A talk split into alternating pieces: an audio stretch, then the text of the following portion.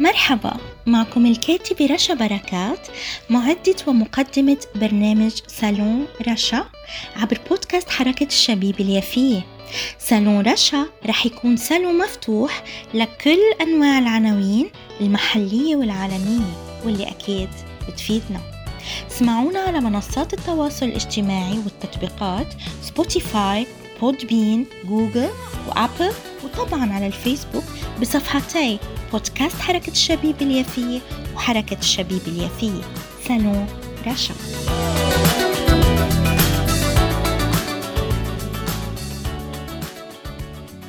أهلا وسهلا بكم أعزائي متابعي ومحبي كل برامج بودكاست حركة الشبيبة حول العالم. أما اليوم في صالوني اخترت لكم قصة من كتاب لمجموعة قصصية بعنوان بائعة الأعشاب لكاتبته السيدة اللبنانية الشامية حنان الحيمي آه، وهو من إصدار دار فواصل في بيروت لبنان. أما عنوان القصة من هذه المجموعة القصصية فهو التالي. عنتر زمانه والزعيم. طبعا اخترتها الآن ستعرفون لماذا. لأنها تتكلم يعني عن موضوع آه، شعوبنا المستلبة تجاه الزعماء دون مطالبتنا بحقوقنا. يعني آه، نحن آه، مستلبي الذهن والقلوب والعقول تجاه بعض الزعماء. وهذه آفة في مجتمعاتنا لابد لها أن تتغير. إذا سأقرأ نبذة من آه هذه القصة الصغيرة بعنوان عنتر زمانه والزعيم لأناقشها معكم على طريقتي. إذا دخل الصيدلية يتنقل على رؤوس أصابعه. رأسه مشدود إلى الأعلى. صدره منفوخ إلى الأمام. كتفاه مرفوعتين ساعداه منفرجين على جانبيه بعيدا عن جسده. تئنان تحت ثقل عضلات ضخمة وكأن رأس بطيخ حشر في كل منهما. حتى يخيل للناظر إليه أنه سيهوي إلى الخلف. بدا كرجل آلي أخطئت برمجته.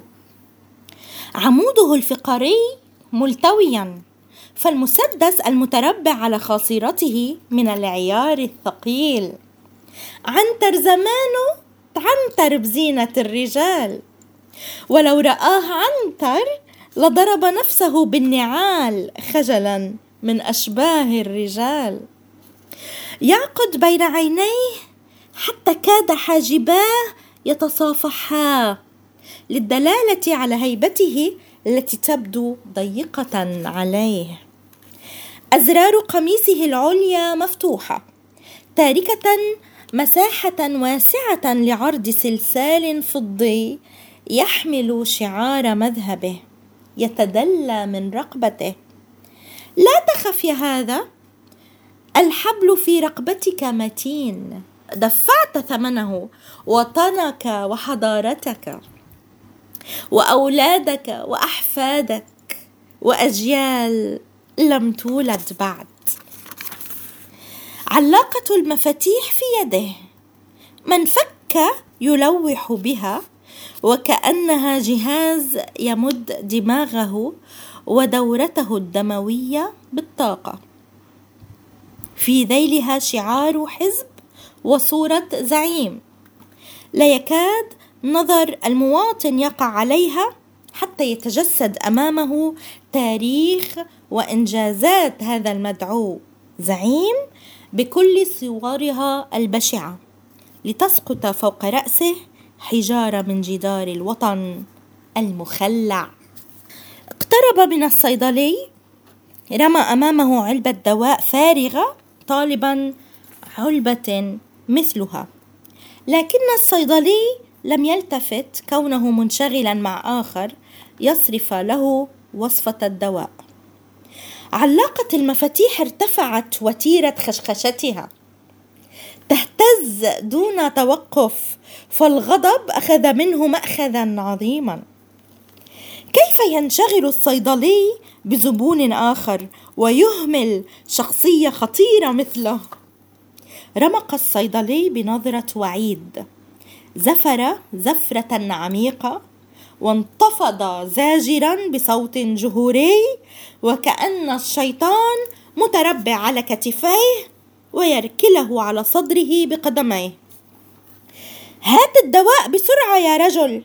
وقت الناس مش ملك أبوك. ناوله الصيدلي علبة الدواء المطلوبة بسرعة لينتهي منه. دون أن يعلق بكلمة فهو يعرف جيدا هذا النوع من المخلوقات ما كاد يرى تسعيرتها حتى زعق كأن قنبلة صوتية انفجرت في حلقه ليش سعرها ارتفع هالقد؟ شو الشغلة سرقة؟ تضعون الأسعار على هواكم وتمتصون دم المريض؟ رمقه الصيدلي بنظرة ساخرة من قمة رأسه حتى أخمص قدميه وتوقف عند علاقة المفاتيح قائلا. كل شي ارتفع سعره. روح اسأل حضرة زعيمك اللي هو من أصحاب القرار بالحكومة عن سبب الغلاء. إياك أن تتلفظ باسم زعيمي بالسوق أفهمت؟ يعني هو هذا المستلب للزعيم رد عليه. إنه بعد الله هو شرفنا وكرامتنا ولولاه ما بقينا ولا بقي البلد. فقهقه الصيدلي حد البكاء مصفقا. طبعا طبعا يا أخي أليس هو العمود الذي رفع السماء كي لا تسقط على رؤوس البشر؟ بجاوبه برد عليه. لا تجعلني أفقد أعصابي أيها الكافر الملحد. شعب غبي لا يعرف معنى الدين والمذهب ولا معنى الوطنية. برد الصيدلي طالما زعيمك هو الله بالنسبة إلك ولأمثالك وقد حشركم في قاع جيبه الصغير لما لا يؤمن لكم الدواء والحياة الكريمة من تلك الجيب التي تفيض من دم وأموال الشعب المسكين. ألف مبارك عليك بشحمه ولحمه وبعره. صحة على قلبك اشبع به. يعني هذا الكلام المكتوب لخص حالة. وهذه الحالة ليست فقط يعني في لبنان أو غيره تحكي عن شعوبنا يعني ومجتمعاتنا كلها المستلبة من قبل حكامها وزعمائها وزعماء يعني للأسف. وبالمقابل منلاقي كذلك أنه كتير في من من مجتمعاتنا مستلبي الذهن يعني وبألهوا زعيمهم بألهوا حكامهم بخافوا كذلك جزء تاني بخاف يحكي ينادي بحقوقه يعني السكوت والصمت و و و و وألف كلمة معه ألف مصطلح. يعني هذا الأمر يؤسفنا جدا. أنا عجب أعجبتني هذه القصيصة المقصوصة. القصة الصغيرة. آه وأنا قريت منها نبذة يعني هي لسه فيها مكمله القصة ولكن أخذت منها اللي بدي أحكي فيه وناقشه معكم بصالوني طبعا آه مش عم أقول إنه لازم نحن هلأ نثور ودون وعي وغيره. ولكن أقله نراجع أنفسنا. آه نحرر أذهاننا عشان نقدر نحرر أوطاننا. هذا هو الهدف الأهم. الوعي مهم جدا ولكن كلمة وعي مش كلمة سهلة. والوعي بيجي لما نتعب على أنفسنا ونتعلم أكثر ننمي أمورنا أكثر. نتعود على نهج معين بحياتنا نتحرر من كل القيود اللي بتضعفنا آه، بشكل جميل وإيجابي وإنساني وانساني قويم. ف يعني أنا حبيت اختار لكم اليوم اختياري لوجه كلمة ولأقول إنه يا ريت يا ريت نوعى ونحاول نطالب بأمورنا. وهالقصة الصغيرة طبعا آه، الكاتبة يعني أوجه لها تحيتي آه، إلى السيدة حنان الحيمي آه، كاتبة المجموعة القصصية بائعة الأعشاب وهي من إصدار دار فواصل في بيروت لبنان. كذلك يعني أرسل هذه التحية عبر أثير بودكاست حركة الشبيبة اليافية الذي يبث من مدينتنا الجميلة والتاريخية العريقة أم المراكب والبرتقال والمينا وعاصمة فلسطين الثقافية يافا. إذا وكذلك أردت أن يعني أوصل كلمتي أنه بأهمية أن نضع أرجلنا على بداية خطوات التوعية. أو الوعي لأن الوعي كلمة كبيرة كما ذكرت ولكن أقله نضع يعني الخطوة الأولى أنفسنا في الخطوة الأولى لكي آه، نطالب بحقوقنا الإنسانية آه، في آه، مجتمعاتنا ولا نكون مستلبي الذهن هكذا.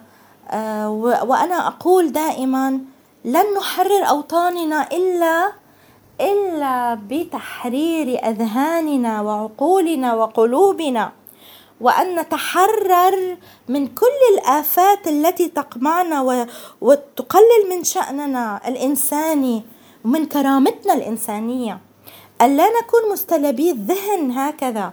ألا نكون يعني آه تبع لكل فقط لدين لطائفة لمذهب لسياسة دكان سياسي إلى آخره.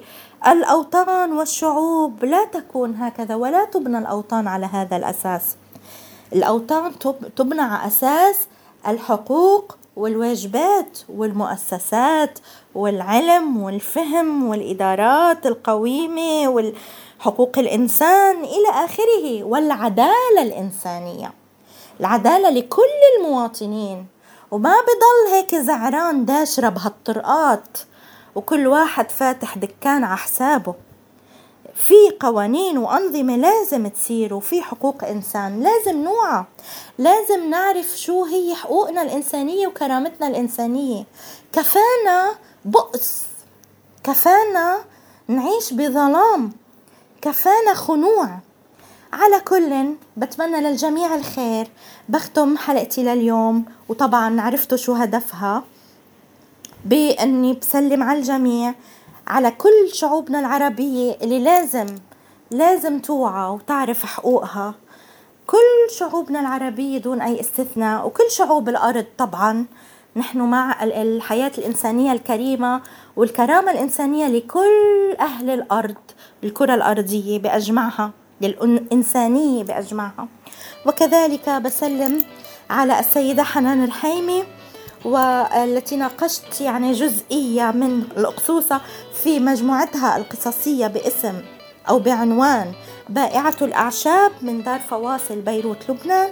وألقاكم أعزائي بحلقة جديدة في صالوني ونقاش جديد وأمور جديدة وعنوان جديد آه، في صالوني صالون رشا الذي هو صالونكم طبعا وعبر بودكاست حركة الشبيبة اليافية أيضا. وأودعكم في صالون رشا.